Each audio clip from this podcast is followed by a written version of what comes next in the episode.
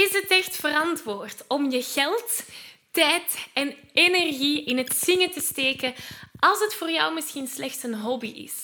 Dat is waar we vandaag naar gaan kijken. Hey, ik ben Maggie. Vanuit mijn passie en talent om mensen de kracht van het zingen te laten ontdekken, help ik leergierige popzangers die op het hoogste niveau willen leren zingen. Worstel je met negatieve stemmetjes in je hoofd die je vertellen dat je niet goed genoeg kunt zingen? Geloof je dat je je bereik niet kunt vergroten of toonvaster kunt zingen? Of word je snel hees na een hevige zangsessie? In deze podcast krijg je tips, tricks en motivatie om te groeien als zanger, je stem te ontwikkelen en je grote zangdromen waar te maken. Zing je graag onder de douche, in de auto, in een karaokebar of zelfs op een podium? Dan is deze podcast zeker iets voor jou. Klaar om het beste uit jezelf te blijven bovenhalen?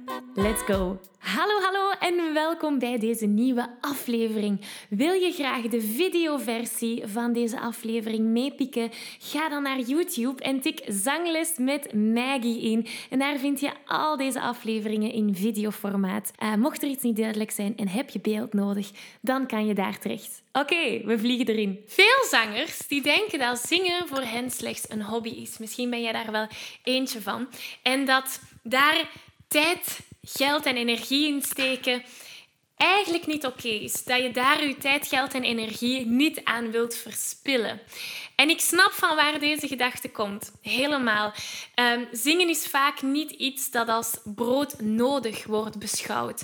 Het is iets dat je niet echt meekrijgt van kinds af aan.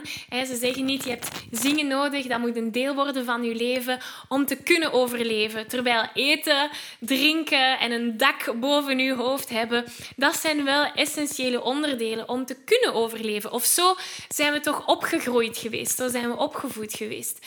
Dus zingen wordt ook um, als een hobby gekaderd. Het is vaak geen vak dat je op school um, kunt volgen. Tenzij natuurlijk dat je in de kunsthumaniora of zo uh, hebt gezeten. Maar het is iets dat je na de schooluren moest gaan doen. In de muziekschool of eenderd waar. Het was iets na school. Dus het is iets dat je als hobby kunt gaan uitoefenen. Of dat is toch waar de meeste zangers waarmee ik samenwerk, dat was hun ervaring met het zingen. Dus het is heel normaal dat veel mensen graag zingen en dat dus ook als een hobby zien en als niks meer dan een hobby. Maar is het zo dat zingen enkel een hobby is? Als je zoals de meeste zangers bent waarmee ik samenwerk, ben je misschien gestart met zingen omdat je hier een supergrote passie voor hebt. Het is een manier voor jou om je emoties uit te drukken, om creatief aan de slag te gaan. Um, het is een creatieve, maar ook emotionele uitlaatklep. Of dat is toch zo voor de meeste zangers waarmee ik samenwerk. Het is ook een manier om je te ontspannen, om die dagdagelijkse drukte even te gaan uh, ontsnappen en even aan de kant te zetten. En um, ja, echt in die wereld van de muziek even kunnen uitblazen na die drukke, stresserende dag dat je misschien achter de rug hebt gehad. Dus als je blijft denken dat het niet verantwoord is om hier je tijd en geld en energie in te steken, dan blijf je het ook zien, dan blijf je het zingen ook slecht zien als een, een hobby. En dan is er een grote kans dat je die dagelijkse stress gaat blijven ervaren. Dat je twijfel, angsten, onzekerheden tijdens het zingen eh, maar ook in het dagelijkse leven aanwezig blijven. En dat ze de kop op zullen blijven steken. Want door het zingen te gebruiken als een manier om aan je gezondheid te werken, dus nu gaan we het helemaal anders gaan bekijken, Vooral dan uw geestelijke gezondheid en uw persoonlijke ontwikkeling, maar ook uw emotionele gezondheid. En erdoor emotioneel en creatief vrij um, of vrijheid mee te gaan ervaren. Als je je vrij kan voelen tijdens het zingen, en zelfzeker kunt voelen tijdens het zingen, ja, dan ga je dat automatisch doortrekken naar het dagelijkse leven. Daar ben ik een 100% voorstander van. Wie je wordt tijdens het zingen, de muzikant die je wordt, de zanger die je wordt, de ontwikkeling die je meemaakt, de angsten, de twijfels en onzekerheden die je als zanger overwint, die overwin je ook als persoon. Een voorbeeld. Misschien ben je bang om beoordeeld te worden tijdens het zingen. Ben je bang van wat andere mensen denken? Ben je bang van al die oordelen, hè, al die negatieve dingen die op je af kunnen komen? Door hieraan te werken en bewustheid hieromtrent te gaan ontwikkelen. En bewust te zijn van hoe je je zang kunt verbeteren, maar ook hoe je kan omgaan met kritiek, feedback, commentaren tijdens het zingen, of dat dan nu positieve of negatieve kritiek of feedback gaat, door daar mee te leren omgaan tijdens het zingen, dan leer je er ook omgaan tijdens je dagelijkse leven. Op je werk. Of als je een leerkracht bent voor de klas. Of met het omgaan met je collega's. Of in je relaties met mensen. Of nog een ander voorbeeld.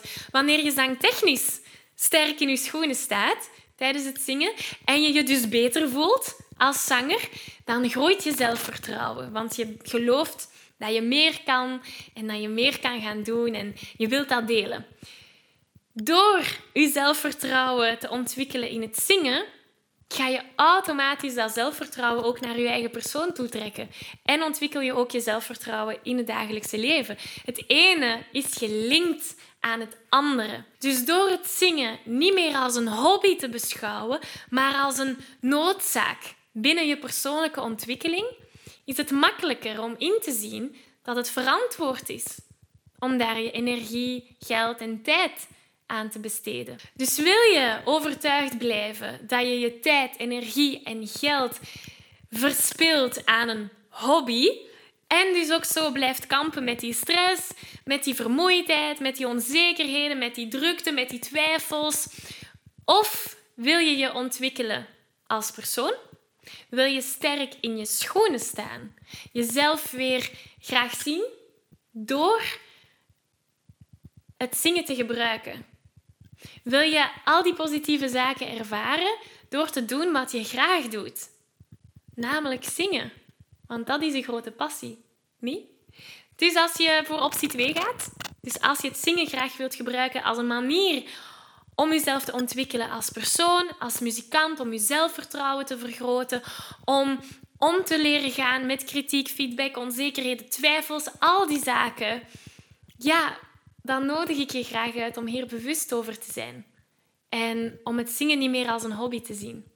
Dus als je voor optie 2 gaat en als je het zingen niet meer wilt zien als een hobby, dan is er maar één plek waar je kan starten. En dat is bij zangtechniek. Je zangtechnisch sterker voelen tijdens het zingen.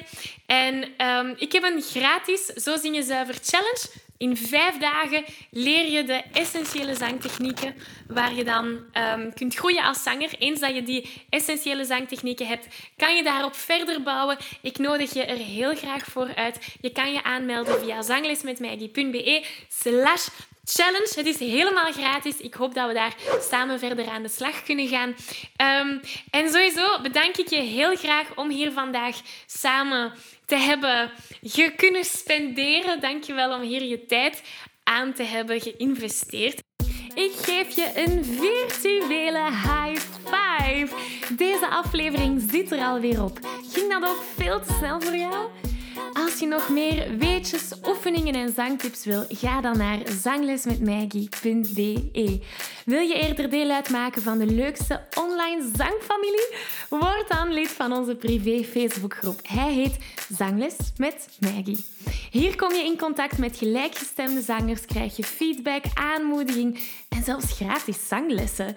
Vond je deze aflevering leuk en waardevol? Abonneer je dan zeker op deze show. Deel het met je vrienden en laat een review achter, zodat we nog meer zangers kunnen bereiken en de kracht van het zingen kunnen verspreiden.